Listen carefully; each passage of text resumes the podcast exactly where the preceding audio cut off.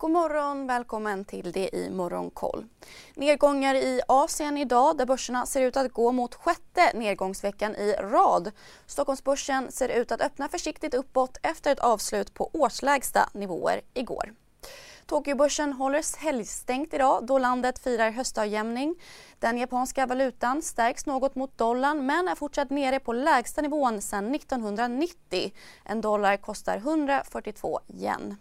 Det efter att regeringen gripit in för att stärka valutan för första gången på mer än 20 år igår.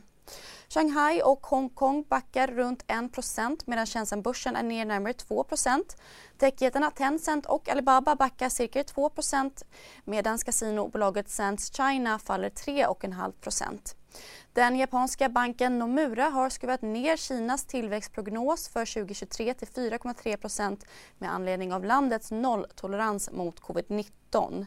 I USA stängde Nasdaq och S&P 500 ner 1,5% respektive närmare 1% Den amerikanska tioårsräntan stiger till högsta nivån på 14 år och står i 3,7% Även räntan på 30-åriga bolån i USA stiger till högsta nivån sedan 2008 till drygt 6% och det är mer än en fördubbling mot för ett år sedan.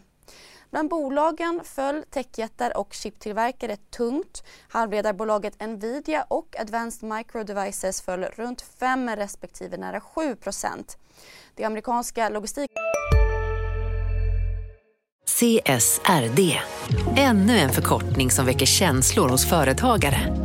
Men lugn, våra rådgivare här på PWC har koll på det som din verksamhet berörs av. Från hållbarhetslösningar och nya regelverk till affärsutveckling och ansvarsfulla AI-strategier. Välkommen till PWC. Bolaget Fedex har rapporterat i linje med bolagets tidigare vinstvarning i september som fick aktien att rasa och aktien lyfte närmare 1% igår.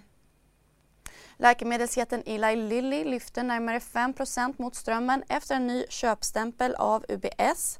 Detaljhandelskedjan Costco rapporterade bättre än estimaten men flaggade för högre löne och fraktkostnader kommande kvartal och aktien backade 2,5% i efterhanden. Googles tidigare USA-chef går nu in som ny VD för Docusign vars aktie steg en halv procent i efterhanden. I Sverige har telekomjätten Ericsson fått ryskt exporttillstånd för produkter som kan användas militärt. Det trots att bolaget säger sig ha stoppat alla leveranser till Ryssland och Belarus, rapporterar Ekot. Forskningsbolaget Oncopeptides blodcancerläkemedel Pepaxto får inte marknadsgodkännande i USA och det står klart efter mötet med Läkemedelsmyndigheten FDA igår. Vitvarujätten Electrolux har nu återigen gått om Ilja Battlians fastighetsbolag SBB på topplistan över börsens mest blankade bolag.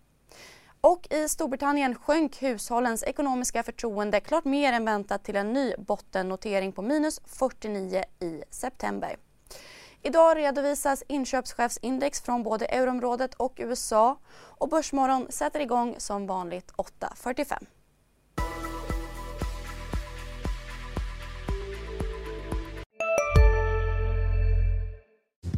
Hej, Synoptik här.